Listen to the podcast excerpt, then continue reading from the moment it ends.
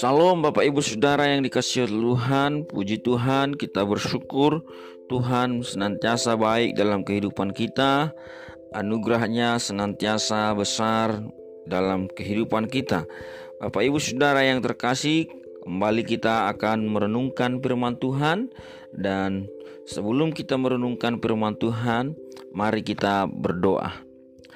Bapa di surga, kami bersyukur Tuhan buat kasih dan anugerahmu dalam kehidupan kami. Kami bersyukur Tuhan buat kebaikanmu. Kami bersyukur Tuhan Engkau Allah yang setia bagi kami. Terima kasih Tuhan saat ini kami mau merenungkan firman-Mu. Biarlah kiranya Tuhan Engkau Allah yang akan memberikan kami hikmat dan pengertian sehingga kami mengerti akan firman-Mu dan bukan saja mengerti tapi kami diberi kekuatan karena kami tahu dan percaya firman-Mu Tuhan adalah pelita bagi hidup kami ya Bapa. Terpujilah namamu Tuhan. Kami sambut firman-Mu Tuhan dan biarlah namamu dimuliakan. Di dalam nama Tuhan Yesus Kristus kami berdoa haleluya. Amin. Bapak Ibu Saudara yang terkasih di mana pun Bapak Ibu berada mendengarkan renungan ini Pada saat ini kita merenungkan dari firman Tuhan yang tertulis di dalam Amsal pasal yang ke-21 ayat yang pertama sampai ayatnya yang ke-31 Bapak Ibu Saudara, sebenarnya kitab Ansal ini adalah uh, hikmat Bapak Ibu Saudara dalam artian bahwa setiap uh, teks ini setiap ayat sebenarnya bisa kita renungkan Bapak Ibu Saudara karena setiap ayat dia bisa terpisah-pisah satu dengan yang lain Bapak Ibu Saudara ayat satu dengan ayat dua bisa bisa berbeda dengan ayat tiga juga bisa berbeda dan semua dari ayat ini bisa direnungkan satu persatu Bapak Ibu Saudara. Nah, tetapi Bapak Ibu Saudara saya tidak akan membacanya tetapi kita akan merenungkan beberapa bagian Bapak Ibu Saudara yang uh, menjadi uh, rema secara khusus yang akan kita renungkan pada saat ini.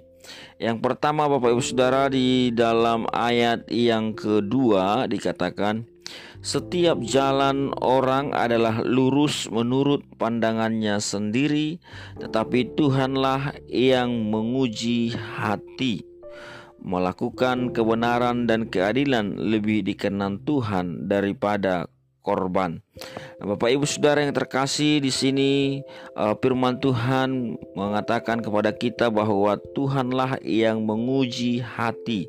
Setiap jalan orang adalah lurus menurut pandangannya apa yang kita rencanakan, apa yang ada di dalam jalan-jalan kita, Bapak Ibu Saudara, menurut pandangan kita sendiri itu adalah lurus. Tetapi Bapak Ibu Saudara, Tuhan di sini dikatakan menguji hati kalau di dalam bahasa Inggris sebenarnya Tuhan mengenal bahkan sampai kedalaman motivasi Bapak Ibu Saudara. Artinya Bapak Ibu Saudara bahwa kita merasa jalan kita lurus, tetapi itu hanya menurut pandangan kita sendiri, tetapi Tuhan tahu segala motivasi, Tuhan tahu segala apa pun yang ada di dalam diri kita. Oleh karena itulah yang ada di dalam ayat 3 dikatakan melakukan kebenaran dan keadilan itu lebih dikenan Tuhan daripada korban.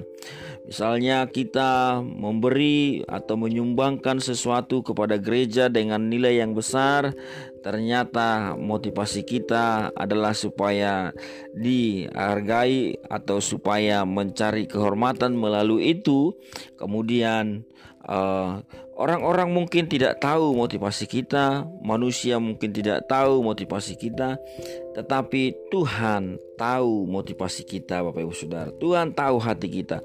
Oleh karena itulah dikatakan melakukan kebenaran dan keadilan lebih dikenan Tuhan daripada korban.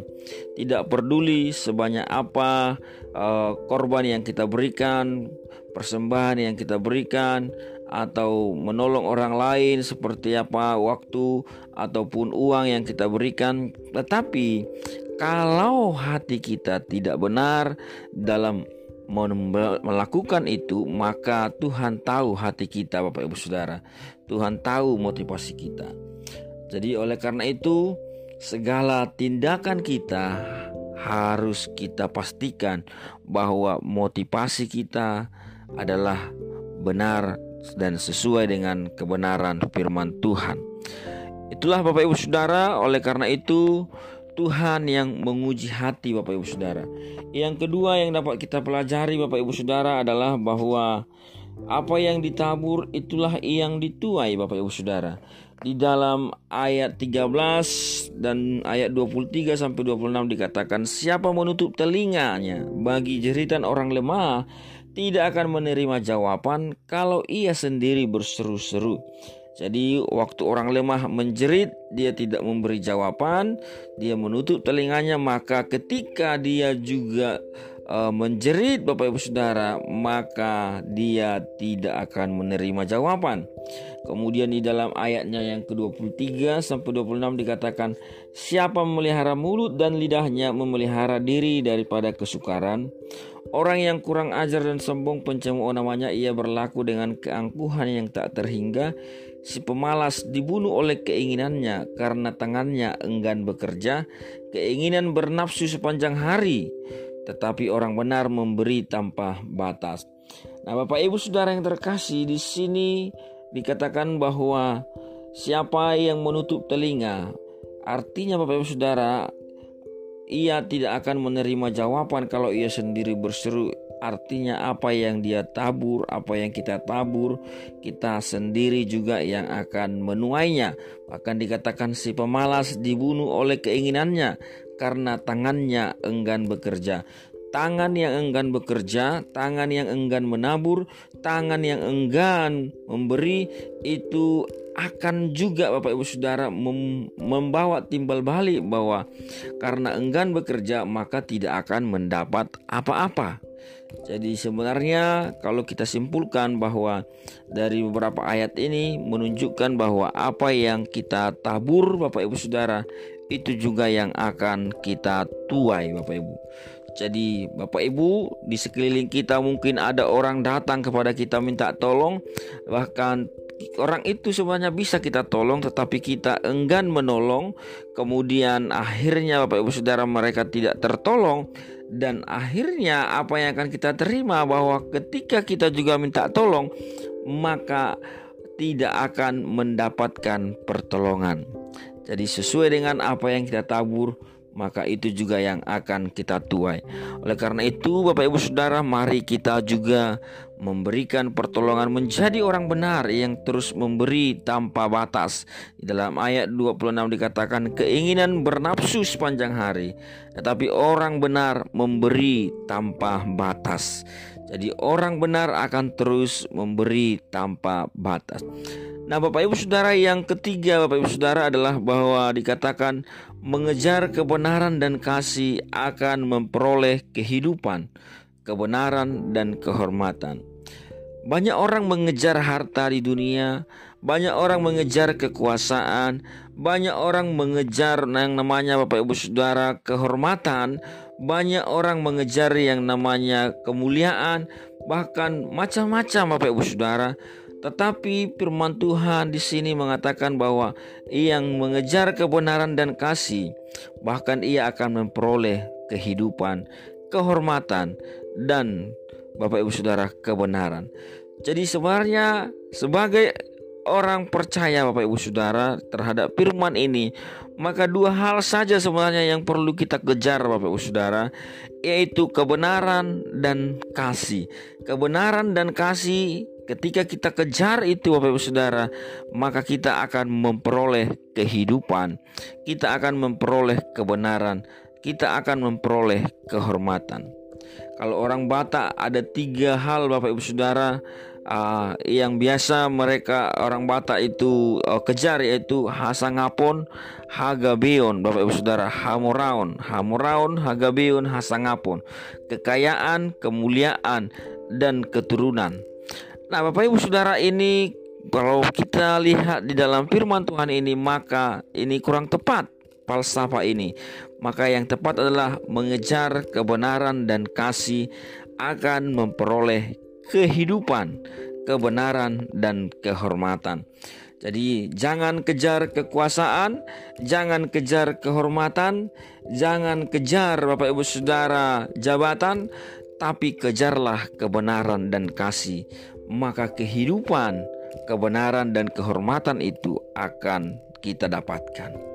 Bapak Ibu Saudara sebenarnya sama seperti yang ditulis di dalam Matius yang dinyatakan oleh Yesus, tapi carilah dahulu kerajaan Allah. Carilah dahulu kerajaan Allah maka semuanya akan ditambahkan kepadanya. Bapak Ibu Saudara, kerajaan Allah ini berbicara mengenai kebenaran dan kasih. Maka kebenaran dan kasih inilah yang terlebih dahulu kita cari Bapak Ibu. Yang keempat, yang terakhir Bapak Ibu Saudara yang dapat kita renungkan dari bagian firman Tuhan ini di dalam ayat yang ke-30 dan 31 dikatakan tidak ada hikmat dan pengertian dan tidak ada pertimbangan yang dapat menandingi Tuhan. Kuda diperlengkapi untuk hari peperangan tetapi kemenangan ada di tangan Tuhan. Tuhan sumber kemenangan, Tuhan berkuasa atas segalanya. Tuhan tidak tertandingi, Bapak Ibu Saudara. Tidak ada satupun yang dapat menandingi kuasa hikmat daripada Tuhan. Tidak ada satupun yang dapat menandingi Tuhan. Oleh karena itu, Bapak Ibu Saudara, jika kita tahu Tuhan adalah sumber kemenangan, maka marilah kita senantiasa bergantung kepada Tuhan, mencari hikmat dan pengertian kepada Tuhan, bukan kepada yang lain. Firman Tuhan di tempat yang lain mengatakan bahwa takut akan Tuhan adalah permulaan hikmat dan pengertian, permulaan pengetahuan. Bapak Ibu Saudara yang terkasih oleh karena itu, mari Bapak Ibu Saudara mendekat kepada Tuhan, mendekat kepada Tuhan, percaya kepada Tuhan karena Tuhanlah sumber kemenangan itu.